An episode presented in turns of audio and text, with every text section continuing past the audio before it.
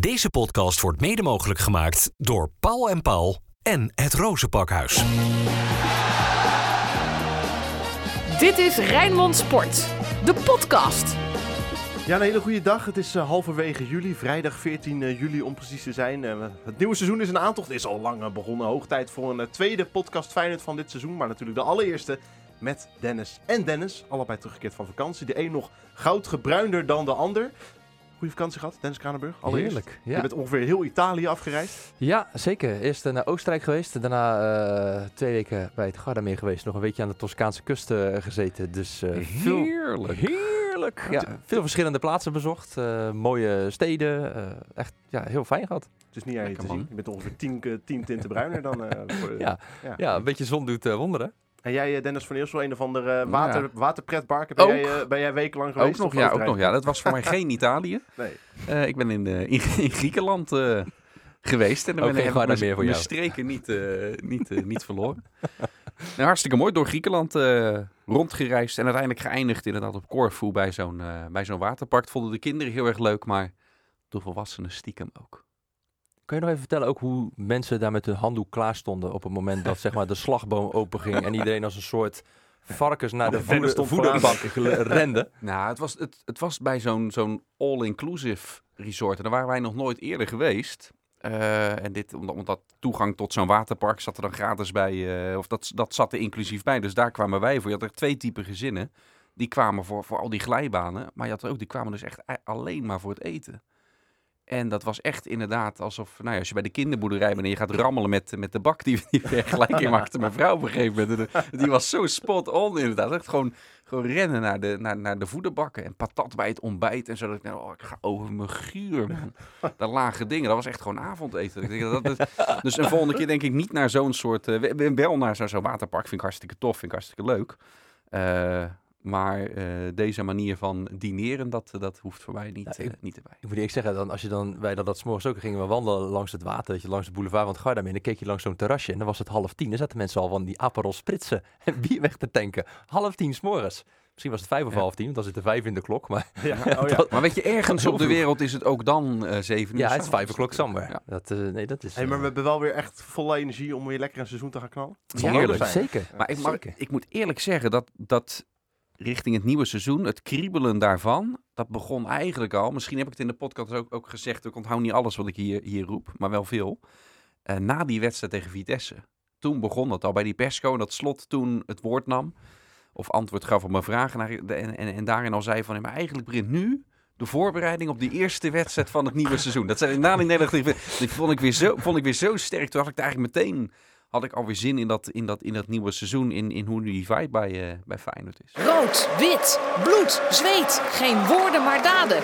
Alles over Feyenoord. Ja, die zin in het uh, nieuwe seizoen, die zal nodig zijn ook, want het nieuwe seizoen is gewoon al onderweg. Het is alweer halverwege juli. Tweede oefenwedstrijd afgelopen week gehad, waren jullie alle twee bij ja. op het complex van, uh, van Smitshoek tegen Club Brugge. Dat was een oefenwedstrijd, geloof ik, om blij van te worden. Nou, zeker, want ik moet eerlijk zeggen dat zeker in de, nou, het eerste uur, Feyenoord speelde de eerste helft met uh, ja, meer de basisspelers en in de tweede helft meer met, uh, met de reservespelers. Maar in het eerste uur vond ik Feyenoord echt heel goed spelen. Feyenoord was uh, dominant, gaf eigenlijk geen kansen, nou, bijna geen kansen weg. creëerde zelf echt wel een aantal, aantal kansen, maakte goede goals ook da daar werd ik wel heel erg blij van. En wat je vooral dan ziet, als je het vergelijkt met de voorbereiding van vorig seizoen, dat er nog heel veel spelers weer weggingen en nog heel veel spelers kwamen. Uh, daar moest echt nog gebouwd worden. Ja, nu stond er echt wel, een, echt wel een, een, een raamwerk waarvan ik dacht, denk zo, dit gaat wel uh, veel, uh, veel, veel goeds beloven. Ja, nou kijk, dat is het. Heel, heel veel waarde moet je niet echt aan zo'n oefenwedstrijd. Zeker niet aan de, aan de uitslag. Ja. En, en ook nog niet eens zoveel aan het spel. Want ja, hoe ver is Club Brugge? Die hadden geloof ik ook echt zware trainingsdagen gehad. Nou, dat zag je er wel aan af. Want dat je zal maar Club Brugge supporter zijn, dan zul je misschien uh, meteen zorgen maken. Uh, meteen. Maar dat, dat, ook daar tegen zou ik willen zeggen, tegen onze Vlaamse luisteraars. Uh, ja, niet doen. want ja, die voorbereiding zegt natuurlijk helemaal niets. Bewijst ook de voorbereiding van vorig jaar. Zeker. Wat het wel zegt, inderdaad, en jij gebruikt het woord raamwerk daarbij. Ja, je ziet wel dat heel veel spelers uh, zijn echt wel ingespeeld op elkaar, kennen de speelwijze van, uh, van de trainer al. Daar hoeft hij dus ook niet zo al te veel mee, uh, mee bezig te zijn. Neem die verdedigingslinie, mits ze allemaal blijven inderdaad, die er, die er nu stonden. Dat is nog wel een dingetje. Eh, maar ja, dat staat wel al, weet je. En dat is wel winst voor, voor Feyenoord. En laten we wel zijn, vorig seizoen, die, dit team, daar werd toen van gezegd van ja, dit jaar hou er maar even rekening mee dat het misschien allemaal nog niet eh, zal lukken. Maar we zijn vooral aan het smeden voor het jaar hierna. Ja. Ja, dat is het jaar dat nu, dat nu gaat komen, weet Ja. je. Dus. Nou ja, wat, je, en wat ik wel mooi vond, je hebt dan over de verdediging. Daar, ja, daar staat het eigenlijk wel. Maar in het middenveld, daar was best wel, ja, daar gebeurt natuurlijk wel wat. Hè, met uh, Rookie. De eerste bal die hij eh, kreeg, die trapte die gelijk tegen een tegenstander aan. En toen zei iedereen, oh ja, oh ja, nou heb je dit weer. Dat ik denk, joh, geef die jongen nou even iets meer dan vier seconden de tijd om even te Ja, ik, wennen vind- ik aan... vind, eh, ik vind je erg coulant. Ja. ja, dus um, nee, maar en wat ik mooi vond, wij zaten op de tribune achter de, de dugouts, waar natuurlijk Arne Slot dan onder andere zit. Constant bezig, want je ziet dat Club Brugge net iets anders speelt dan ze op voorhand hadden bedacht. Constant, Ramis, Ramis, dit, dit. hey, Ramis, dit en dit. En die zag je op een gegeven moment echt zo heel de tijd kijken van, uh, oké, wat wil die? En ik weet nog dat Kuksu toen zei van, ja, in het begin dacht hij echt van, ja, wat kom jij nou, weet je wel, vertellen, ik speel al jarenlang hier en je gaat even vertellen hoe of wat. Uiteindelijk heeft hij de knop omgezet, is hij naar Slot gaan luisteren. Nou ja, we zien uiteindelijk, als we nu terugkijken hoe dat is gegaan met Kuksu, hè, beste speler geworden uh, bij, bij Feyenoord, mooie transfer verdiend. Die had echt op een gegeven moment wel zoiets van, ik ga naar de trainer luisteren, want die weet precies wat ik moet doen en wat ik nodig heb om gewoon veel beter te worden. En ik heb het gevoel dat Seruki dat ook uh, nu al door heeft, want die heeft ook zoiets van, ik moet vooral naar Slot luisteren, wat hij zegt, wat hij uh, wil, want daar word ik als speler beter van. En uiteindelijk neem ik daar de hele ploeg mee ook op sleeptouw. Is het aan te geven in, in procenten of in cijfers of weet ik veel wat, verzin iets, hoe groot het verschil is tussen de, tussen de, de, de, ing, de ingangs, de uitgangspositie van Slot aan het begin van het seizoen, uh, vorig seizoen en nu. Dat is gigantisch, toch? Ja, ik denk dat niemand... Het seizoen da daarvoor ook natuurlijk. Ik maar... denk dat niemand vorig seizoen op voorhand... Uh, zeker toen al die spelers weggingen. De, de, de, wat is het, na de tweede speelronde of zo, dat Uizens nog wegging. In die eerste speelronde volgens mij dat Senesi uh, wegging. Toen kwam de teller op, op 15 spelers, waarvan uh, een stuk of 7 die de Conference League finale speelden. Ik denk dat niemand toen Feyenoord op één heeft gezet bij de prognoses. Volgens mij komt VI altijd met zo'n jaargids waarin de, de prominenten altijd hun, hun kennis tentoonspreiden. Volgens mij heeft niemand toen Feyenoord op één gezet. En die gids is nog niet uit. Uh, maar ik durf wel al een voorschot te nemen dat er dit jaar, als die gids er weer komt, er denk ik behoorlijk wat journalisten zullen zijn die Feyenoord op één zeggen. Ja, hoeveel waarde moet je eraan hechten? Vorig jaar zaten ze er allemaal naast. Dus je kan ook zeggen, zet Feyenoord alsjeblieft niet op één. Ja, dit, jaar, dit, jaar hebben ze het allemaal goed. Ja. Maar het is ook wel een verschil, denk ik. Hè? Want bij Feyenoord, uh, vanuit de underdog-positie of vanuit de, ja, de, de, de leading-positie, zeg maar, zo'n competitie ingaan, dat is mentaal denk ik ook wel uh, iets anders. Ja, wat bij ja. Feyenoord men niet zo snel gewend is om als ja, de grote favoriete seizoen in te gaan. Aan de andere kant, de twee grootste concurrenten, Ajax en PSV, daar is natuurlijk best wel wat gebeurd. Hè? Er zijn nieuwe trainers gekomen die in korte tijd hun filosofie, hun manier van spelen, maar moeten zien uh, toe te passen, op zo'n groep moeten kunnen overbrengen. Bij Ajax gaat de aanvoerder hoogstwaarschijnlijk, volgens VI in ieder geval, op een iets andere manier weg dan de aanvoerder van Feyenoord. Ja, maar, maar, dat soort dingen speelt wel uh, allemaal mee, weet je wel. Als je dat allemaal gaat meetellen. Slot is al natuurlijk langer bij Feyenoord. Daar weten ze allemaal wat ze, uh, ja, wat ze aan hem hebben, wat hij wil, welke speelstijl. Ja, als je dat nu even in zes weken bij zo'n andere ploeg moet, uh, er doorheen moet drukken voordat het nieuwe seizoen gaat beginnen, nou, dan heb je wel een hele andere aanloop dan dat ze bij Feyenoord hebben. Ja, en uiteindelijk maar met dit soort praatjes uh, vooraf en prognoses en beschouwingen win je uiteindelijk geen kampioenschap. Hè? Dit, dit, dit, oh, soort woorden zal, dit soort woorden zal Slot uiteindelijk ook gaan spreken. Straks zijn gewoon de, de wedstrijden er en, en net als vorig jaar uh, uh, zou Feyenoord het daarin gewoon weer, weer keer op keer moeten laten zien. En dat is misschien nog wel het moeilijkste of de, of de grootste uitdaging voor Feyenoord in, in dit seizoen. Om na dat grote succes uh, dat in het hoofd echt weer te resetten. En het is altijd praatjes voor de bühne, weet je, van we bekijken het wedstrijd voor wedstrijd en we moeten gefocust hebben. Maar er zit wel een kern van waarheid in. waarbij dat misschien het grootste risico is voor Feyenoord. Dat verwachtingspatroon die onherroepelijk ook in spelers zelf natuurlijk kruipt. Zullen we dat raamwerk eens even doornemen, dat er staat. Het elftal van vorig seizoen nemen we van, uh, van, uh, van achter naar voren helemaal door. Ja, in ieder geval eerste spelers die sowieso niet meer terugkomen. Ook een Kutsu is, is naar Benfica. Sebastian Semanski getekend bij Fenerbahce. Jammer, allereerst? Heel erg jammer. Uh, van allebei de spelers. Maar Kuksu is inmiddels wel al ingedaald. En daarvan wisten we ook al langere tijd dat hij bezig was aan zijn laatste seizoen. Hè? Dat ja. hij niet te behouden zou zijn. Ja, van Simanski leek het er uh, lange tijd ja. op dat hij wel zou blijven. Feyenoord had al langere tijd een persoonlijk akkoord zelfs uh, met hem. Ja, en die situatie is uh, al dan niet ook door de rol van zijn zaakwaarnemer iets veranderd. Hij wilde permanent weg uit Rusland. Dat begrijp ik dan wel, hè? dat hij niet nog twee jaar met wat, wat, wat er allemaal speelt ook... Uh, daar steeds op terug wilde komen. Ja, ik vind het wel een gemis, want ik vond het een, uh, een van de betere spelers eh, die eh, in het kampioenselftal van, eh, van Feyenoord zat. Ik had hem heel graag langer in het shirt van Feyenoord zien eh, spelen. Ja. Maar ook vaker gezegd vorig jaar dat het een enorme buitenkans was, is dat hij überhaupt bij Feyenoord eh, speelde. Links voorin, Oussama Idrissi. Is dat nog steeds een beetje status quo van het is niet uitgesloten, want in de voetballerij is niets uitgesloten, maar het speelt niet heel concreet? Ja, weet je wat het daarmee is? Eh, Feyenoord wil zo snel mogelijk een nieuwe linksbuiten eh, halen. Als dat nou niet lukt, eh, nou ja, dan, dan Juma is, is duidelijk hè, dat dat een speler is die Feyenoord dan graag zou, zou willen. Die is denk ik ook heel sterk in de 1 tegen 1 wat Idrissi had. Misschien zelfs een slag beter nog. Ja.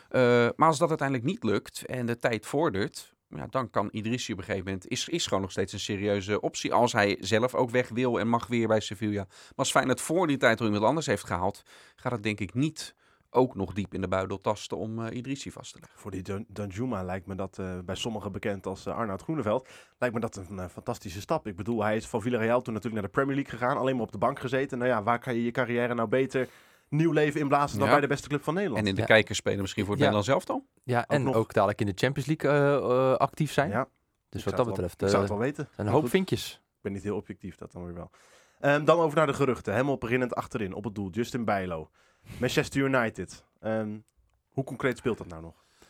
Nou ja, ik weet wel dat ze bij United, eh, nee, dat is dan wat je dan leest in de, in de, in de kranten, ehm, dat ze daar wel heel erg bezig zijn om Onana natuurlijk die kant op eh, te krijgen. Ik weet niet precies hoe dat er nu eh, voor staat, maar als je daar bedragen van 60 miljoen rond hoort, ja, dan wordt het denk ik een, een ander verhaal. Er werd ook naar gevraagd hè, door eh ESPN bij die oefenwedstrijd. eh, Door uh, oud-collega Sinclair Bisschop. Laten we daar, ja. laten we daar allereerst even naar luisteren. Manchester United, wat klopt daarvan? Van die contacten tussen jou en Manchester United? Je lacht zegt veel. ja, nee, eh, wat ik zeg, ik wil eh, uit respect voor Feyenoord wil ik niet eh, over eh, andere clubs praten. Wil ik me gewoon focussen op eh, wat er nu bij Feyenoord gebeurt. Zegt dat veel, zo'n lach van Bijlo? Bij Ja, zo'n vraag?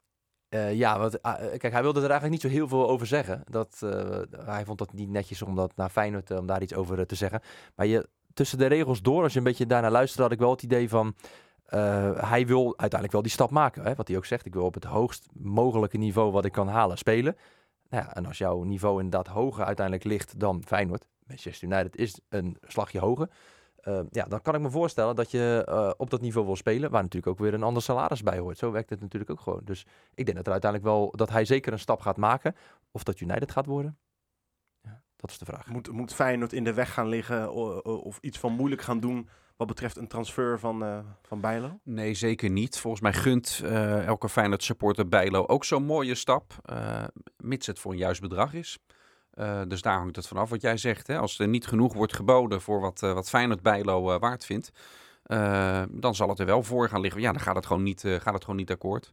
Slot zei het Eh, ook, hè? Die had daar ook een soort, ik weet niet of dat per se over bijlo ging, maar die zei in zijn In zijn algemeen gesprek is ook- dit filosofie Ja, zei hij ook van, ja. de tijd dat het leuk is voor een speler en leuk is voor de nieuwe club, ja, die tijd is gewoon echt, dat, daar doen we niet aan. Hè, het is geen filantropische instelling, dus het moet goed zijn voor de speler, het moet goed zijn voor de nieuwe club, maar het moet vooral goed zijn voor Feyenoord. Dat gewoon het bedrag dat ze willen hebben, dat dat ook betaald wordt. Dat zie je met Gitruij daar nu ook. Ja, kijk, bij Bijlo is er geen, eh, geen bod binnengekomen hè, bij, eh, bij Feyenoord. Laat dat ook duidelijk zijn. Als jij vraagt van hoe concreet was het nou, er is uiteindelijk geen bieding geweest. Bij, bij Geertruiden weten we, is dat, is dat wel het geval. Eh, Maar en- dan gaan we al één linie, één linie naar voren. En jij bent in de lead natuurlijk. Hè, zoals altijd bij deze podcast. Je weet ook hoe ik erin sta. Dat laat ik altijd Ja. volledig bij jou. Oh, we zijn, we zijn, niet, we zijn niet veranderd. Nou, eh, ik dacht, ik dacht zo'n zomervakantie, dan heb jij tijd om even na te Te denken. reflecteren. En, en dingen te relativeren en op een rijtje heb ik te gedaan. zetten. Daarom En- laat ik het nu toch ook bij jou. Oh ja, heel goed. Heel goed. Ik wilde nog even zeggen, iets heel opportunistisch, dat Feyenoord de eventuele opvolger van Bijlo natuurlijk al lang in huis heeft, hebben we van de week gezien. En dat Maar dat is heel, dat is heel, dat is heel opportunistisch. Ja. En toch, en toch denk ik dat dat niet gaat gebeuren. Dat als, in Nee, een, stel nee. dat Bijlo weggaat, dan wordt wel een Reuten niet één op één doorgeschoven als, eh, als nieuwe eerste keeper. Hoewel ik wel vind dat hij in die periode dat hij dus Bijlo langere tijd heeft eh, vervangen, in het begin echt eventjes moest wennen. Maar dat op het moment dat hij er moest staan, dat hij er ook echt stond. Hij heeft echt het verschil gemaakt in die wedstrijd uit bij Ajax. Met die cruciale redding vlak voor tijd, die hij geweldig nog uit eh, tikte. Tegendraads ingeschoten, die hij er nog uithield. Dat heeft echt het verschil gemaakt. Penalty nog gestopt bij Sparta. Wat anders ook wel een hele andere wedstrijd had kunnen worden. Een belangrijke redding nog vlak voor de rust ook. Maar ja, ik vraag me alleen wel af of je... eh, ja, of hij dan de eerste keeper zou moeten worden. Dat denk ik namelijk niet. Ik denk dat ze dan wel gaan voor een, eh, een, eh, Een ander. Denk ik ook. Wel echt mooi. Echt, echt een penalty killer met zijn met zijn pet. Hè? Dat is even... Ja. En hij schijnt ook gewoon echt wel... Kijk, het is een Duitser. En, eh, Letterlijk bedoel je. Je bedoelt letterlijk, Ja, toch? Ja, maar die echt ook gewoon maar één ding wil. En dat is gewoon winnen. En op zo'n manier kan je ook gewoon eh, belangrijk zijn door niet eens te spelen. Maar als je dan ook je rol eh, kent. Je weet welke plek je dus inneemt in zo'n selectie. Niet die van de eerste keeper dus. Dat je dus ook achter de schermen daar gewoon heel belangrijk in kan zijn. En dat blijkt dus ook bij, eh, bij hem zo. Gaan we linie naar voren. De naam die jij net al noemt, eh, Dennis van Eersel. Lutje Geertruida. eh Rastenballen Leipzig. Zoals die volledige Duitse clubnaam En Als je, zo uit, als je het zo uitspreekt, dan zou ik er al niet eens meer heen willen. Ja, nee, Nee, daarom. Geertruida luistert, weet ik. Dus dat, eh, laten we even een handje helpen in het eh, overhalen om bij Feyenoord te blijven. Maar ja, sindsdien gewoon eh, elke training meegedaan. Net zoals de andere internationals later aangesloten. Een weekje later eh, oefenwedstrijden bij Feyenoord meegespeeld. Dus niets aan de hand? Vraagteken. Nou, ja, hij heeft aangegeven bij slot dat hij graag naar Leipzig wil. Maar daarbij ja, speelt natuurlijk het geval. Die club moet dan wel voldoende geld op tafel leggen. Willen ze hem daadwerkelijk kunnen overnemen? Nou, eh, ik begrijp het bedrag dat eh, het laatste bod is eh, geweest. En wat Feyenoord uiteindelijk wilde. Er zit echt nog wel een flink, flinke overbrugging in. Nu heeft Leipzig volgens mij voldoende geld. Komt er ook voldoende binnen. Dus zouden ze dat bod wel eens kunnen, kunnen verhogen. Maar ik kan me ook voorstellen dat zij misschien dan toch verder gaan kijken. En dan lijkt Geert Ruida mij er ehm, eh, de man naar, want dat is hij inmiddels, die zonder te mokken gewoon ook lekker een seizoen bij Feyenoord nog eh, gaat spelen. En dat hij gewoon met trots dat shirt weer gaat, eh, gaat dragen. Want dat vond ik altijd wel, wel tof aan hem, dat je het echt eraan afstaat. Hij geeft geen interviews, dat weten we. Echt de verpersonificatie van geen woorden maar daden Ja. wat dat betreft op, op dat veld en die band met het publiek. Dus ik denk dat het voor hem geen straf is om eh, uiteindelijk alsnog toch bij Feyenoord te blijven, mocht er eh, niet voldoende geld eh, komen. Ja, Lyon is, of, eh, daar speelt volgens mij een speler die bij Leipzig als alternatief wordt gezien. Hè. Ze hebben volgens mij een andere al in het vizier. En ik denk dat ze bij Feyenoord ook zoiets hebben van, ja, we zien wat er nu voor Timber wordt betaald door Arsenal. Nou ja, hè, Geert Ruida, basisspeler, belangrijk, international van het Nederlands elftal. Ja, dat kan niet zo zijn dat je bij de kampioen speelt en een belangrijke rol speelt ook in dat kampioenschap. Hè. Nu bij Oranje dus ook een, een rol speelt. Ja, dat dat bedrag gewoon meer dan de helft minder zou zijn dan bijvoorbeeld een Timber. Ja, we weten dat spelers bij Ajax voor meer geld worden verkocht. Maar ja, dat kan niet zoveel zijn. En dat denken ze bij Feyenoord nu ook van. Ja, we gaan niet meer hier clubs voor een dubbeltje op de eerste rij laten zitten. Snappen jullie wel dat hij die vertrekwens heeft aangegeven? Of naar vertrekwens, in ieder geval de wens heeft uitgesproken dat hij best naar Leipzig wil. Het klinkt nou niet, natuurlijk, grotere competitie, weet ik allemaal wel. Maar het klinkt nou niet als de droomclub waar je je loopbaan Nee, maar- naar Feyenoord. Of... Nee, maar aan de andere kant, dat, dat zeiden mensen ook over, eh over hè. Het kan ook een stap zijn. Hoe vaak hebben we niet gezien dat spelers van, eh, van Feyenoord... Nee, maar Royce van Drenthe ging van Feyenoord naar Real Madrid. Hè? Gelijk direct naar een grote club. Dan moet je het ook maar gelijk waar kunnen maken. Zo'n tussenstap kan ook juist eh, de perfecte stap zijn... in plaats van in één keer omhoog even een klein stapje schuin omhoog... om dan uiteindelijk alsnog naar die top toe te gaan. Ik denk dat dat juist wel, wel goed is om bij een... ja, niet gelijk naar bijvoorbeeld een Bayern München te gaan... of naar, ja, weet ik van welke andere echt extreme topclub. Maar juist zo'n ja, zo'n tussenstap. Ik denk dat dat juist heel verstandig eh, kan zijn. Hoe groot is het verschil tussen een Feyenoord zonder Bijlo en Geertruida dat aan de competitie gaat beginnen... of een Feyenoord met Bijlo en Geertruida? Mm, Dat valt wel te overzien, eh, eh, denk ik. Ze zijn allebei natuurlijk wel, eh, wel, wel belangrijk geweest. eh, maar Bijlo is op te vangen. Ik denk dat er op de Nederlandse velden alleen al echt wat keepers zijn die, eh, die prima ook bij Feyenoord 1 onder de lat kunnen, kunnen staan. Ik weet, Oenerstal staat er heel erg goed, eh, goed op. Is denk ik ook een van de beste keepers die we in de Eredivisie eh, hebben. Nick Olij. Waarom zou die die stap niet, niet kunnen maken? Heb je wel een, een concurrentiestrijd misschien met, met Wellenrooy van wie wordt dan de eerste? Maar de Feyenoord scouting komt vaak ook met verrassende namen boven de laatste tijd. Dus die zullen vast ook voor wat betreft de keepers een lijstje hebben. Ja, en Geert Ruida, mits eh, fit, heb je natuurlijk met Trauner en Hansko heb je al een eh, geweldig centrum staan. Er zal een nieuwe rechtsbenige verdediger bij eh, komen bij Feyenoord als eh Geert Ruida gaat. Die dan misschien ook als back kan, eh, kan spelen. Dat was het voordeel van hem. En Casemiro is dan niet de één op één de vervanger daarvoor. nee, nee. gaat Maar dit, eh, dit- die is gewogen eh, en op dit moment nog, nog te licht eh, bevonden om, Ja. om dat, om Ik dat las zelfs bij collega Mikkel Schouker dat hij naar eh, Athene kan. Dat is, een dat is inderdaad een optie. Net, net Ja. zoals Marcus Pedersen bijvoorbeeld, die ook lang niet altijd basisspeler is, maar toch behoorlijk wat minuten wel heeft eh, gemaakt. Zelfs eh, de interesse van eh, internationale geniet. Ook doordat zijn zaakwaarnemer daar zelf een beetje dat heeft ge geopperd. Maar op die manier kan er ook interesse in je, in je komen. Dus ook daar zou misschien wat, Maar het is, wat wel, het, kunnen is, het, is, het is wel gevaarlijk natuurlijk. Stel je voor een Geertruiden vertrekt. eh Gernot Trauner ligt er voorlopig nog even uit. We weten niet precies hoe lang dat gaat duren. Ja, dan heb je opeens als Casanvio ook naar Athene zou gaan. Ja, ik, ik overdrijf Mhm, nu en ik ja. gooi nu alles erop. Maar dan heb je opeens geen rechterbenige centrale verdediger meer. Dat is ook een beetje... Nou ja, dan zou Feyenoord wat sneller iemand anders moeten halen. Of je zal dit eh, eh, slim moeten spelen en niet allemaal gelijktijdig. En gelukkig is de competitie nog niet begonnen. Ja. Ze hebben ook met Wiever ook geprobeerd, maar dat was volgens mij ook niet helemaal, eh, Nee. Niet helemaal goed bevallen. Ik vertel zo over die keepers. Jij noemt Olij. Ik weet niet of dat dan de juiste speler is die daarvoor zou moeten halen. Die heeft wel eens één jaar eredivisie ervaring. Om die dan gelijk door te schuiven naar de Champions League. Dat, ik denk dat dat dan wel weer Eens. een, echt een hele grote stap is. Ik zou dan eigenlijk... Daarom noemde ik zelf Oenerstal ook Ja. als eerste. Alleen we weten hoe Twente is in onderhandelingen met, eh, Ja. met Feyenoord. En dan zou, je, dan zou je waarschijnlijk weer heel diep moeten, moeten gaan. Ik vind Oenerstal, wel- dat is, vind ik wel echt, nou, misschien wel, eh, zeker over het afgelopen seizoen, omdat hij ook gewoon het meeste heeft eh, gespeeld, denk ik wel echt wel de beste keeper van de afgelopen seizoen. Is ook wat ouder, ook een Duitser. Ehm, en, Bij ja, Twente speelt hij toch? Ja, bij Twente. ja. en ik denk dat, dat als je dat gaat meewegen daarin, met, zeker ook met zijn ervaring, ja, dan zou dat wel... eh, Maar goed, dan, Bijlo is er nog steeds, hè, dus voor geval blijft hij gewoon. Dat zou natuurlijk ook helemaal prima zijn.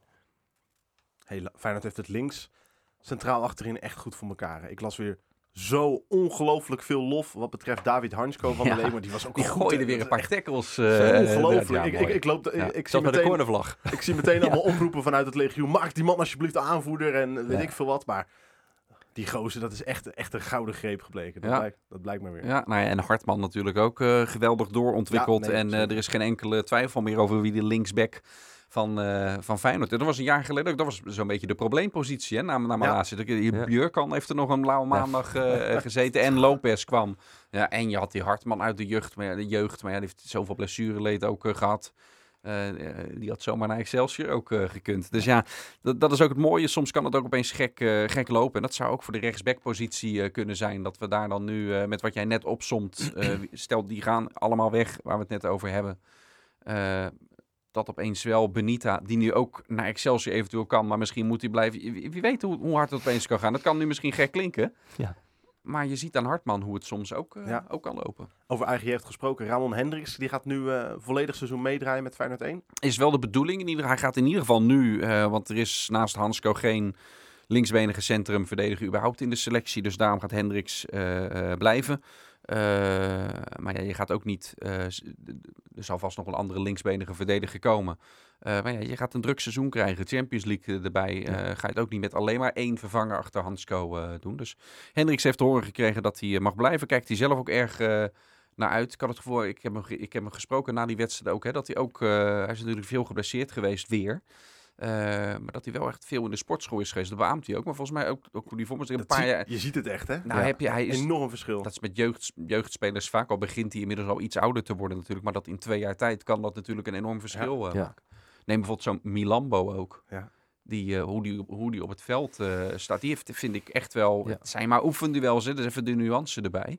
Eh, maar die vind ik wel dat hij ook echt eh, vooruit is. We gaan. zeiden in, het in tegen hoe elkaar, die, in hoe Ja. die op het veld loopt, weet je. Qua, qua zelfbewustzijn en zo. En eh, dat vond, vond ik goed uitzien ook. Wat, Ja. zit, wat zit jij op te zoeken, Kranenburg? En normaal gesproken heb je een hele stapel eh, papieren. Nee, huis, nee, maar- nee, nee, nee, niks eigenlijk. Ik, ik ben, wat Dennis ook zei, we hadden het op de tribune erover inderdaad, over dat je het bij spelers ook ziet. En Hendrik zei uiteindelijk tegen jou ook zelf in dat interview van, ja, ik ben niet alleen lichamelijk gegroeid, ik ben ook gewoon volwassen geworden. Hier staat een Ja. volwassen Ramon Hendricks, weet je wel. En dat is denk je, als je dus bij jezelf dat al eh, ja, merkt en voelt, ja, dan maak je daar ook gewoon wel weer stappen in. Fijn om, te, me- fijn om te lezen vandaag ook dat eh, Jacob Rasmussen, een van de allermeest geliefde spelers uit de selectie van Feyenoord, een nieuwe club heeft gevonden in eh Brøndby. Dat is, eh, nou, dat is alleen maar mooi, zulke berichten, toch? Ja, Ja. mooie club in, eh, in Denemarken. En eh, misschien wat meer zijn, eh, zijn niveau uiteindelijk ook op het veld. Want ja, je kan eh, belangrijk zijn in zo'n eh, groep. Ja. En in, in de training altijd serieus aanvliegen. Maar als speler wil je altijd spelen. En denk ik dat Feyenoord één eh, netto gegrepen voor hem, eh, voor hem was. Zometeen eh, even praten over eh, mogelijke versterkingen die wij komende weken kunnen gaan verwelkomen in de Kuip. Die eh, algemeen en technisch directeur Dennis de Kloeze kan gaan. Wat vinden we er eigenlijk van dat Dennis de Kloeze nu algemeen en technisch directeur is? Volgens mij heeft hij in de afgelopen periode. Kijk, het, het is een beetje dubbel. Want hij heeft in de afgelopen periode laten zien dat hij dat zeker kan. Hè. Spelers binnengehaald eh, waar we hier geen weet van hadden. Maar die dus wel een schot in de roos blijken zijn. Hè? Neem Santiago Jiménez als voorbeeld. Aan de andere kant is het ook alweer, denk ik, eh, tricky. Dat als stel dat hij een stap maakt, dan heb je niet één positie te, eh, in te vullen, maar gelijk twee posities in te vullen. En dat is denk ik wel iets waar je, eh, ja, wat, wat, wel, wat wel wat gevaren met zich mee kan brengen. Ik verwacht niet dat hij nou vandaag of morgen ineens naar een andere club zal gaan. Hè, want dat was toen dat verhaal met Tottenham Hotspur. In hoeverre dat dan ook zo concreet allemaal was. Maar stel dat dat nu wel zou gebeuren dat er een club komt. Ja, dan heb je dus in één keer een technisch en een algemeen directeur die je moet gaan opvullen. Dat is best wel, ja, dat vind ik wel een, eh, een risicootje. Wat vinden jullie van eh, de eerste aanwinst die jij voor dit seizoen heeft binnengehengeld? Voor zover je eraan oordeel over kan vellen in de eerste twee oefenwedstrijden. Ik heb het over Zerouki, Van der Belt, Minte. Ja, ik denk dat Seruki sowieso een, eh, een eh, erg goede versterking voor, eh, voor Feyenoord is. Ja. Ik vind wel nog steeds dat, eh, dat hij veel geld heeft gekost voor een, eh, voor een binnenlandse transfer. Maar misschien moet meneer Van Eersel maar eens een keertje gaan wennen aan, eh, aan de nieuwe realiteit. Want een jaar geleden riep ik ditzelfde over Quinten Timber. Kennelijk zijn dit tegenwoordig de bedragen die je ook aan, eh, aan subtoppers in Nederland moet, eh, moet betalen. Wil je spelers kunnen, kunnen overnemen. Ik vind dat een uitstekende voetballer. rust aan de bal, technisch vaardig. Ik denk dat hij ook op dat middenveld een leidersrol op zich kan nemen. Dus niet alleen, ook al is die nieuw bij de club, met zichzelf bezig zijn, maar ook eh, met het team eromheen. Ik, ik, ik zie dat wel voor me, dus daar ben ik positief over. Ja, de andere spelers, ik denk niet eigenlijk dat dat stuk voor stuk direct eerste elftal spelers in de basis zijn. Niet voor Jankuba Minte. Maar dat is Eh. voor Jankuba Minte. Ja, ik ben het met je eens, maar dat is toch heel gek om, eh, om die insteek te hebben bij een speler die je, maar, die je maar voor één seizoen huurt. Ja, nee, want dat dat was hetzelfde als met Reece Nelson natuurlijk. Je hebt ook spelers nodig voor, Ja, eh, werd- voor erachter. die En die werd uiteindelijk basisspeler. Ja. Ik zeg ook nu aanvankelijk. Ik verwacht niet dat straks de eerste competitiewedstrijd meteen in de basis staat. Wat niet eh, wegneemt dat als hij zich goed ontwikkelt, dat hij dat wel zou kunnen worden natuurlijk. Eh, en Thomas Belen en Thomas van der Belt, eh, ja, denk ik dat die allebei ook niet de verwachting hebben dat zij, wat zoals Seruki het wel zei, ik ga ervan uit dat ik de eerste wedstrijd gewoon basisspeler ben. Hij zei het zonder het woordje gewoon. De twee Thomassen, die zullen er zelf ook niet zo in staan dat die echt wat meer voor de toekomst zijn gehaald. Ja. En er nog spelers gaan komen, zoals Seruki, die wel binnenstappen met het idee van, hé, hey, ik ga basis spelen hier meteen. Maar zeker, ja. zeker als je kijkt wat Saruki heeft gekost en waar hij vandaan komt. Hè, wat gewoon een, eh, een, eh, een club uit de bovenkant van de eredivisie is of uit de top van de eerste divisie. Dat is ook wel een verschil. Je merkte bij Van der Belt ook, hè, die zei ook van ja, het gaat hier allemaal zoveel sneller en zoveel... eh, ja, het niveau ligt zoveel hoger dan wat ik gewend ben. Ja, en daar heb je het dus, dat hebben we met Mats Wiever ook gezien. Dat is ook gewoon even een, een aanloopje nodig. En die kwam dan van Excelsior. Om te wennen aan het niveau en wat wil slot en wat is de speelstijl en hoe gaan we het hier doen en in welke intensiteit komt daarbij kijken. En als hij dat uiteindelijk dadelijk, als dat goed gaat, hè, dan ben je gewoon weer een, misschien wel weer een halfjaartje verder. Ja, dan eh, krijg je misschien dadelijk wel weer zo'n soort Mats Wiever situatie waarbij het ineens eh, snel kan, eh, kan gaan. Ik vond trouwens wel die Minte, die trok op een gegeven moment een sprint. Nou, je hebt wel eens dat als er Ja, een, die, een straaljager overvliegt, dan hoor je wel dat je je oren dicht doet. Nou, dat deden we bij hem ook. Die ging hard, jongen. Daarna kwam er wel een voorzet die net zo hard ging en eh, over de zijlijn aan de andere kant van het veld ging. Dat was dan wel weer minder, maar ik had wel echt zoiets van als die jongen eh, daarin, eh, ja precies, als die eh, die snelheid echt eh, volle bak gaat gebruiken, gaan verdedigers daar echt een hele Maar vervelende. dan aan gaan wij hem ook gewoon Jankuba Sprint tegen doen. Oh, ja, Ik zag dat Ja. hoofd al Ja. mijn broeder. Ik dacht, er komt weer wat ongelooflijk treurigs. Maar ik vond hem nog best oké. Ik vond hem best leuk. Hey, welke naam wordt nu eh, het meest concreet in verband gebracht? Ja, sorry hoor. Ik ga gewoon even inhoudelijk verder. Welke naam wordt nu het meest concreet in verband gebracht met komst naar Feyenoord? En ook een naam Ja. die er verwacht gewoon eh, op de, bij de eerste competitiewedstrijd, bij de Eh, eerste elf op, op het papier te staan? Dat laatste weet ik niet, maar de, de, de meest concrete is Ivan Nusek. De Kroatische Kroaat die we nog in de Kuip bij de Nations League hebben Ja. zien spelen tegen het, eh, tegen het Nederlands elftal. Eh voor aan de linkerkant kan ook op het middenveld eh, spelen, dus eh, je ondervangt er eh, eh, eh, ook meteen eh, dat je Simanski niet, eh, niet meer hebt, onder, ondervang je daar ook meteen mee. Maar hij kan dus ook op die vleugels eh, spelen, dus Slot kan daar nog meerdere kanten mee op. Eh Feyenoord is concreet voor hem. Eh, zijn marktwaarde is behoorlijk hoog, is rond de 15 miljoen. Maar Dynamo Zagreb wil minder dan dat eh, voor hem ook. Dus ja, ik denk, en, en van wat ik hoor, dat de inschatting is dat beide partijen elkaar uiteindelijk wel gaan vinden. Of dat al is voor en op tijd voor de eerste speelronde. Want dat, dat is wat jij net zegt. Dat weet ik niet, want zij spelen nog voorronde Champions League.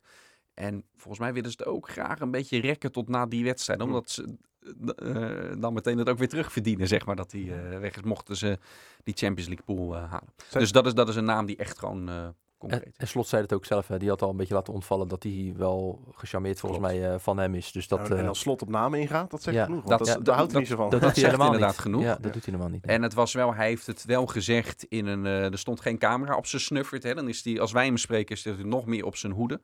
Het heeft natuurlijk met onze kwaliteit van vragen ook te Ja. maken. Maar ook gewoon doordat er een camera op zijn op snuffert eh, staat. Eh, maar dit was, dan zit hij in petit comité na zo'n wedstrijd, met, vooral met de schrijvende pers. En dan, eh, ja, niets menselijks is hem vreemd. Eh, eh, laat je net even iets meer los, als dat je helemaal op, op scherp staat wat dat betreft. Dus dat gaf, want daarna kwam hij dus voor de camera van, van ESPN in dit geval. werd hem gevraagd, ja, dan zou het heel flauw zijn om het nu te ontkennen. Terwijl ik eerder in een andere setting het Zo wel is hij dan ook wel weer. Want Ja. toen wederom Sinclair, die, die bij ESPN nu werkt, uiteraard vroeg hem ook nog naar Zakarian, hè, die, de, de, de Rus van in Moskou. Ja. En daar ging Slot dan wel behendig omheen, Ja. zonder echt te bevestigen dat ze daar geïnteresseerd in zijn. Maar ook dat is een naam, zeker weten, die, eh, die bij Feyenoord op de radar staat. Onze Kroatische vriend, zijn jullie het met me eens dat dat echt nou ja, spectaculair is misschien overdreven, maar echt een, een heel goede aanwinst voor Feyenoord zou zijn? Absoluut. Ja. ja, ja, echt. Ja, maar dat is, dat, is- dat, dat is wat ik zeg. Dat is een speler dat als die komt, dat je er echt wel vanuit kan gaan van ja, dat is direct een versterking voor je basiselftal.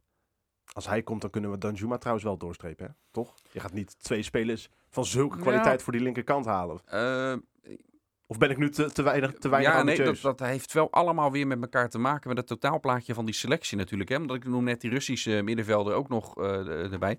Eh Ivan Oesek kan ook op het middenveld staan op de, in de, in de Simanski-rol. Het zou kunnen, heeft hij laatst daar niet gespeeld, maar het kan wel. En dan kun je nog steeds aan die linkerkant ook eh Danjuma. Stel je hebt ze allebei, ja, waarom zou je ze niet allebei opstellen? Als het Feyenoord lukt om twee van dat soort klasbakken binnen te halen, hey, als het kan, why not? Je gaat de Champions League in. Eh, het is alleen al, het is, ik vind het überhaupt al gaaf dat je op deze manier dat dit soort namen nu rondgaan wanneer het gaat over, eh, over Feyenoord. Want dat is een paar jaar geleden wel anders geweest wat voor namen er toen eh, voorbij kwamen. Ik denk ook niet dat... Lucas Prato. En maar als je nu gaat... eh, Staat even iets zwak. Kan wel, een goed, kan wel goed een penalty nemen trouwens. Als je, als je nu inderdaad kijkt naar die wedstrijd tegen Club Brugge, daar zagen we dan in het begin dat middenveld ook, waar wij dan Timber meer op die teampositie speelden. Ja, Ik ben wel benieuwd hoe dat ook gaat, hè? want je hebt dan Ja. Zerouki, was Wiever. wel uit nood geboren denk ik nu, omdat hij ja, geen omdat hij geen tien Ja. is. Nee, dat snap ik. Maar ik ben wel ook benieuwd dat, wat gaat dan uiteindelijk, één van die spelers gaat niet spelen. Wiever International, echt heel goed gedaan. Zerouki voor veel geld gehaald. Timber ook in eerste instantie best wel wat gespeeld, daarna geblesseerd geraakt, ook voor veel geld gehaald. Ja. En nog een nader te bepalen. En nog eentje Ja. komt erbij. Dus ja, en, Ja. en zeker met die vele, eh, hoeveelheid wedstrijden die er gaat komen, plus de Champions League en alles, is dat alleen maar fijn. Maar ik kan me ook voorstellen als jij echt voor ja, misschien wel bijna een record transfersom inkomend wordt gehaald. En je krijgt dan te horen, zo vriend, jij begint even op de bank. Dat je dan toch bij jezelf denkt, ja, Ja, alleen dat krijgen ze niet te horen. Ja, bij een losse wedstrijd. Maar Slot gaat natuurlijk... Stel hij, stel hij legt uiteindelijk die puzzel. Je hebt een nieuwe middenvelder die staat op 10. En dan eh, daarachter Wiever en Zerouki. Stel dat is de manier waarop hij de puzzel legt. Dan gaat Slot denk ik niet naar Timber toe met de boodschap van... Oké, hey, jij bent de vierde middenvelder. Jij gaat eh, dit seizoen veel op de bank staan. Dan gaat het voor die wedstrijd gaat Ja, hij ja. natuurlijk zo doen. Wetende dat net als vorig seizoen... heeft hij uiteindelijk die, die keuze ook nooit hoeven maken... Met Wiever, Kuksu, Timber en Simanski. Ja. Wij hebben het in de podcast er vaker over gehad. Ja. Dan dat hij het er ooit over zou Ja. hebben gehad. Want steeds was er of eentje, nou heel vaak was er eentje geblesseerd. Of dan had je een schorsing. Eh, tot de laatste Eens. speelronde aan toe. Hè? Met de schorsing van Wiever. Heeft hij uiteindelijk heeft hij die keuze nooit hoeven Nee. maken tussen die vier. Ja. Wat maar onderstreept dat je dus echt wel minimaal vier Zeker, eh, zeker. nodig hebt. Ja, zeker. Maar ik kan ook voor, ja, daar komt ook weer het manager bij kijken. En dan moet je toch, hij zal echt niet voor iedere wedstrijd uitleggen van, oké, we maken deze keuze om die en die redenen. Maar hij zal heus wel eens met een speler, eh, hij is wel heel duidelijk, weet je wel. Ja. Dit gaan we doen en om die reden, ja, en dat val jij nu heel eventjes buiten. Ja. Maar misschien over een week of twee weken zit dat weer anders. Stel je voor uh, Justin Bijlo en Lutje Geertruida blijven. Uh, even eventuele vervangers voor hen dus niet meegerekend. Welke posities zijn dan volgens jullie op dit moment nog prioriteit? Stel je voor, Ivan Nusek wordt gehaald. Welke posities zijn dan nog prioriteit om aan te vullen? Uh, uh, nou, dan heb je dus of nog een linksbuiten of een aanvallende middenvelder uh, nodig. Afhankelijk van hoe ze hem dan gaan, uh, gaan gebruiken. je hebt nog een linksbenige centrumverdediger, moet er, moet er denk ik nog bij. Want Hen Hendricks ga je dan niet als vaste stand-in voor Hansko al gebruiken komend seizoen? Zou ik niet... zou niet mijn eerste keuze zijn. Denk het nee. niet. Nee. En ook vorig jaar, want dat is, eh, ja, of je moet hem zien in de rol zoals, zoals Jacob Rasmussen die dan had. Ik zit ook gewoon te tellen en te kijken, wat had je vorig jaar, wat is er Ja. vertrokken, dat je gewoon één op één al moet vervangen. Ook qua spelers die je erachter, eh die je erachter hebt, eh, hebt zitten. Zijn er nog jeugd? En het hangt er vanaf wat voor een kansen voor Feyenoord zich eh, voordoen. Hè? Eh, Feyenoord is ook in de markt geweest voor een, eh, voor een spits. Die uiteindelijk naar PSV is, eh, is gegaan. Ja. Ja. Eh, maar goed, als, als dat dan wel was doorgegaan of er komt een spits bij, dan betekent dat misschien ook weer iets voor Danilo. Dat Feyenoord hem eerder zal laten vertrekken naar, eh, naar wat eerder heeft gespeeld. En nog steeds wel, wel speelt hoor, begrijp ik, eh, met de Rangers. Rangers, ja. Maakt, Ja. wel, maakt wel een goede indruk, ook tegen Club Brugge. Het, het is een Ja, oefenpotje, maar Danilo is gewoon een prima aanvaller. Weet je, vorig seizoen ook, ook eh, heb ik ook wel eens gezegd van er werd dan wel eens gedaan alsof het een, een, een spitsen discussie was of een spitsenprobleem Danilo of, of Jiménez. Ja. Is eh, dat is ook maar zeven maanden geleden dat die, die discussie er, er überhaupt nog eh, er zelfs nog was. Maar ook toen, ik vond en vind dat ze allebei voldeden. Ik vind dat Danilo ook cijfermatig gewoon ook een prima seizoen heeft, Zeker. heeft gehad. En gewoon een goede spits is. Hoe denken jullie dat Arne Slot zal kijken naar de Gold Cup? Zit hij ongetwijfeld eh, elke nacht eh, op af te stemmen. Met uh, Jiménez daar Ja. in de finale met Mexico tegen Ja. Panama. Komende zondag op maandagnacht. Ik Ja, bedoel, het is allemaal leuk natuurlijk, maar... Weer Je een paar, weer een later bij Feyenoord. Ja, Ja. het Ja, nieuwe seizoen is al lang weer onderweg. Nou, dat niet alleen. Ik denk dat er ook heel veel clubs nu aan het kijken zijn van... Hey, die Gimenez heeft het bij Feyenoord niet eh, onaardig gedaan. Die heeft het bij Mexico met die Gold Cup niet onaardig gedaan. Die komt echt wel weer op wat meer lijstjes, denk ik, ook te staan. Dat Arne Slot daar ook vooral zich misschien een beetje zorgen om maakt. Dat er daar niet ineens een club komt en zegt... Die gaan we gewoon eens even erbij halen. En dat kost dan wel eh, ja, een, eh, een pak geld. Maar ja, dat gaan we wel eens gewoon doen. Want hij presteert bij zijn club, presteert bij zijn land. Ja, dat, ik denk dat dat vooral misschien nog wel eens een beetje eh, in zijn hoofd ook eh, meespeelt. Want hij is natuurlijk super fit. Hij krijgt eigenlijk echt wel een aantal dagen vrij. Hij zal pas aansluiten vlak voor die wedstrijd tegen, tegen PSV. Hè. Dus hij zal denk ik nog wel even nog wel eventjes vrij zijn. Maar ja, ik denk dat, eh, dat er echt wel clubs nu denken van... laten we die gozer eens even in de gaten gaan houden. Want dat kan misschien wel eens interessant zijn. Ik hoop het niet, maar ja, je weet hoe het werkt. Zijn er nog jonkies eh, jullie opgevallen? Of dat, dat heb je natuurlijk altijd in de eerste weken met de eerste trainingen en de eerste oefenwedstrijden. Dat Arne Slot heel veel jonkies moet gebruiken, moet opstellen. Ook een kans natuurlijk voor die Ja. gasten om zich te laten zien. Is er iemand bij hem in het oog gesprongen, denken jullie? Ja, na dit weekend gaat er weer een schifting plaatsvinden van welke jeugdspelers er dan eh, Ja. meegaan ook naar Oostenrijk. Hè? Eh, er is al een flinke schifting geweest waarbij heel veel jongens al te horen hebben gekregen van je gaat weer naar de, de onder 21.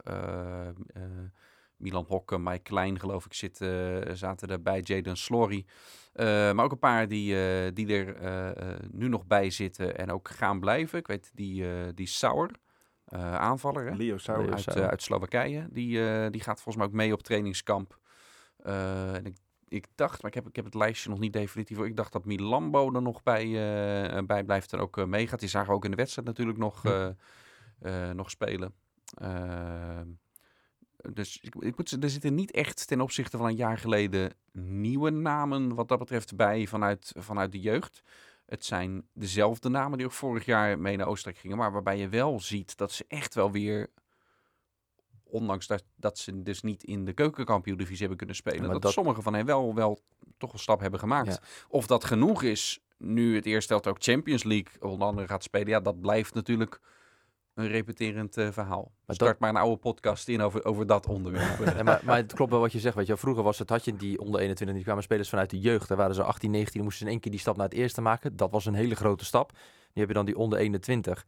Ja, die spelen in een, eigenlijk een, met alle respect een beetje een bijcompetitie hun wedstrijden. Waarom eh, de reden ook dat andere clubs hebben gezegd, wij gaan wel in die keukenkampioen-divisie spelen. Dat is ook waarom Feyenoord nu weer met Dordrecht gaat samenwerken, om daar weer spelers te stallen. Waarvan ze zeggen van, ga daar je minuten maken. Hè? Dan speel je niet tegen jongens die ook 20, 21 zijn, maar dan speel je tegen gasten die misschien 34 zijn. Hè? Dan ben je 17, 18, 19, dan speel je tegen gewoon grote, sterke, fysieke gasten. Ja, en daar word je uiteindelijk gewoon een betere speler van, waardoor die stap naar Feyenoord 1 minder groot is dan in één keer van de onder 21 naar Feyenoord 1. Ja, maar van sommige spelers die hebben ook de leeftijd inmiddels dat ik nog, nog eh, eh, ja, die alliantie met, met Dordrecht, eh, dan zit je onderkant eerste divisie. Neem, neem zo'n Milambo, Mhm. eh, die al best jong voor het eerst bij het eerste helft toen mee mocht. was, was die 16. Ja, Die moet Dus ook die- niet naar dus Dort. Nee, die zou, die zou ik veel liever dan... bij Excelsior of bij Ja. Sparta. Ook al ga je eh, dan wel een jaar degradatievoetbal spelen, is het heel anders dan het spel bij, eh, bij Feyenoord. Hè. Dus daarvoor valt soms iets te zeggen. Bovenkant eerste divisie is soms waardevoller dan, eh, dan onderkant eredivisie. Zeker voor, voor aanvallers. Ja, maar zo'n Milambo bijvoorbeeld, ja, daar zou ik Dort al te laag niveau van, van vinden voor, voor zijn ontwikkeling. Die zou ik veel liever al op een hoger niveau zien spelen. Ja, en dan, en dan ook misschien nog niet eens aan de onderkant in de eredivisie. Maar dan zou je hem ook nog iets daarboven kunnen. Dat je niet dat degradatievoetbal speelt, maar meer een beetje iets daarboven. Nee, nog maar daarom is soms bovenkant eerste divisie is natuurlijk... eh, Ja, omdat je dan... Ja, snap wat je bedoelt, ja. dan, dan zit je meestal bij een team dat ook net als Feyenoord dus dominant speelt, veel de bal ja. juist. Voor jongens als Guus Baars of uh, Chilo het Zand is het wel de ideale stap. Ja, dat denk Ja. ik wel. Want die, die, die eh, liggen daar weer net in hun ontwikkeling. Of waar ze staan in hun eh, nog prille loopbaan net, net achter. En jullie waren begin deze week, afgelopen maandag, waren jullie met z'n tweeën op de eerste openbare training van Feyenoord afgeladen vol. Deze vrijdagochtend, ook leuk om even te vermelden, eh, dat Feyenoord op een gegeven moment moest communiceren. Kom niet meer naar 1908. Het is vol, er kan Ja. niemand meer bij. Dat geeft ook iets aan wat het sentiment rond Feyenoord nu is. Ja, geeft de mensen dus ongelijk, maar Dat is, een van dat is, ook wel eens, dat is ook wel eens anders geweest. dat was volgens mij een van de drukste gewoon openbare trainingen buiten dan de... Sinds 1908. Sinds is. 1908 Ja. inderdaad, ja, maar ook eh, Want zonder dan laten we niet vergeten dat toen het trainingsveld, en dat had heel veel minpunten, hè, maar toen het trainingsveld nog naast het stadion lag, Ja. moesten er eh, eh, tijdelijke tribunes gebouwd worden. Om, eh, ik heb daar zelf nog gezeten ook, dat er...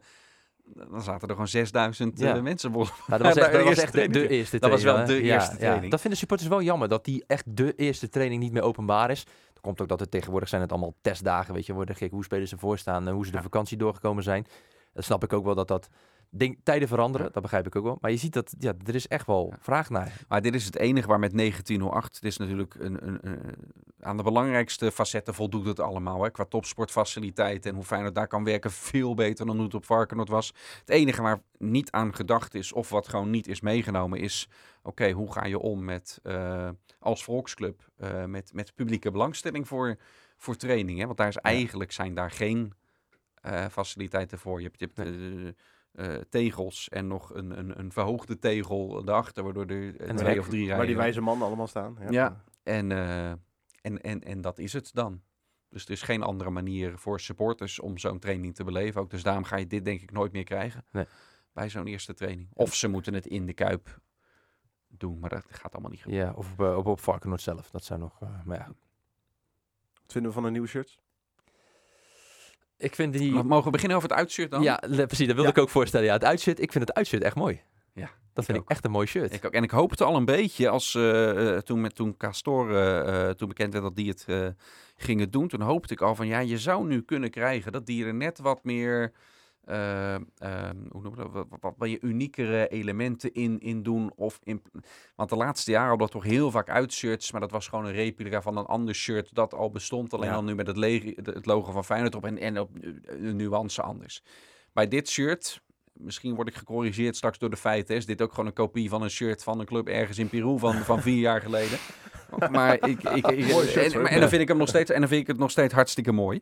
Eh, maar hier hoopte ik bij Castore dus al een beetje op dat je dan zeker bij de uitshirts er net een andere twits aan krijgt. Dat hebben ze met de thuistenues ook gedaan, met die, die, die verticale balken met net wat lichter erin. Dus eh, dat vind ik op zich ook wel mooi. Eh, totdat, eh maar over smaak valt niet te twisten, totdat mensen zich omdraaien. Eh, en ik bij de eerste wedstrijd ook dacht van, zo, er zijn een hoop nieuwe spelers eh, bij. Ze komen wel allemaal hetzelfde gezin, uit de familie Prijsvrij. ja. Eh, ook, de, dus ook de locatie van, de, ook, ook daar, ja. daar ben ik niet zo, zo gelukkig mee. Nee, maar ik, ja, ik denk dat ze bij prijsvrij.nl wel heel gelukkig zijn, want slechte Ja. publiciteit bestaat dat niet. is, dat is Nee, dat zeker is zo, ja. Dat- Ja, ja, ik moet wel eerlijk zeggen, er zitten ook elementen in verwerkt die weer een eh, link hebben volgens mij met de, met de stad of zo. Of ik weet niet meer Ja, precies wat de klopt. architectuur van de stad of zo. Hè? Dat was het volgens Klopt. mij. Dat vind ik dan mooi van dat uitshirt. Ik vind die kleuren ook wel eh, mooi. Ja, en dat thuisshirt met die, ja, met die banen waar dan de kleur een beetje anders Ja. van is. Ja, dat vind ik, ja, ik weet het niet. Het, eh, het, het, het is een beetje, we zijn natuurlijk altijd jarenlang gewend geweest gewoon rood-wit. En nu is het toch wel, ja, rood iets anders rood. En dan rood iets anders, wit iets anders. Maar we gaan het hier nog verder over hebben. Binnenkort eh, bij de eerste FC Rijnmond met, eh, met Bart Nolles, die kijkt er ook naar uit, hebben we eh, Mike de Boer en Fred van Leer. Oh, wat en dan leuk. gaan we het uitgebreid hierover eh, hebben. Nou, dat zijn wel mannen. die Dit is mijn jaarlijks terugkerende grap wanneer we het weer te lang ook over...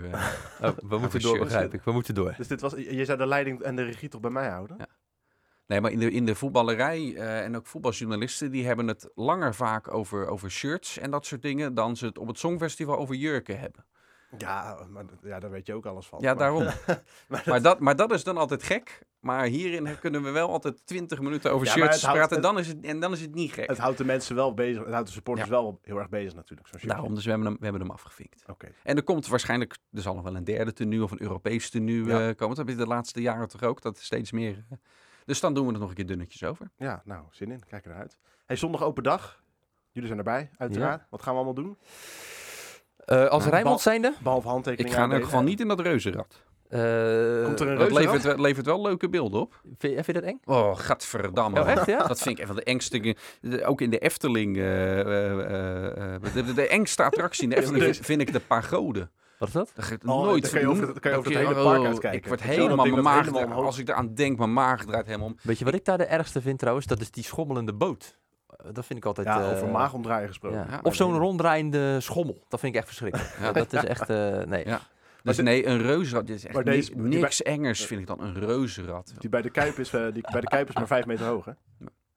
Dat is vijf meter te hoog. eh, voor mij. Nee, maar is het echt maar vijf meter hoog? Nee, ik heb geen idee. Oh, ik wou zeggen, op het plaatje wat ik zag. Dat is, het, dat is het, niet eh, echt een reuzenrad. Dat is een de, mini-rad. Lon- de London Eye, zeg maar. Die er, eh, Ja, is vijf meter. Dus is het eerder gewoon zo'n ding van een hamster gewoon dat ze hebben neerzetten. dat, dat durf ik nog. Nee, maar je merkt het misschien in deze podcast eh, ook. Ik ben best wel een control freak natuurlijk. Oh, nee, En dat nooit opgevallen. heel goed. Dus niet. als ik dan in een reuzenrad eh eh, sta, ja, dan ben ik net, zelfs met vliegen heb ik heel lang moeilijk. Daar ben ik dan dat inmiddels Ja, ging is de- daarbij het besef bij mij ingedaald dat het veiliger is als ik die piloot het maar laat doen. Ja, En- ging in- naar Polen, ging hij naar de cockpit. Zei hij van, eh, zal ik het gewoon zelf even doen? Dat die man die ook zei van, nou, nee, doe maar niet. Ga jij maar gewoon lekker zitten, joh, hè? En heel rustig even naar de, naar de, verkeer, naar de verkeerstoren. Eh, mogelijke gijzeling. Ja, gijzeling kan- Nee, ja, maar zo'n dat- reuzenrad, die, die stopt dan ook steeds weer even en dan bungel je daar. En oh, ik vind het echt zo eng.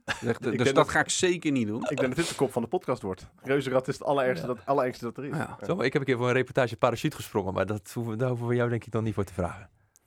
Je mag me ervoor vragen. Ja, uh, het antwoord weten we ook al inderdaad, ja. Maar jouw vraag was wat we gaan doen met die open dag. Oh, ja. We gaan natuurlijk... eh, Oh ja. We gaan sowieso een radio-uitzending maken daar natuurlijk. Hè, waarbij we alles eh, eh, rond die open dag eh, ja, via de radio eh, tot de luisteraars eh, gaan brengen. We gaan een, eh, een soort talkshow eh, opnemen voor tv. Die, eh, die dan eh, die dag ook eh, te zien zal zijn. Waarbij we ook allerlei... eh, we gaan praten over het eh, aankomende seizoen. Zoals we dat nu eigenlijk ook doen. We gaan het eh, met mensen die daar eh, naar de open dag gaan. Supporters die eh, naar de open dag gaan. Gaan we het Spelers. natuurlijk erover hebben. Met spelers gaan we het erover hebben.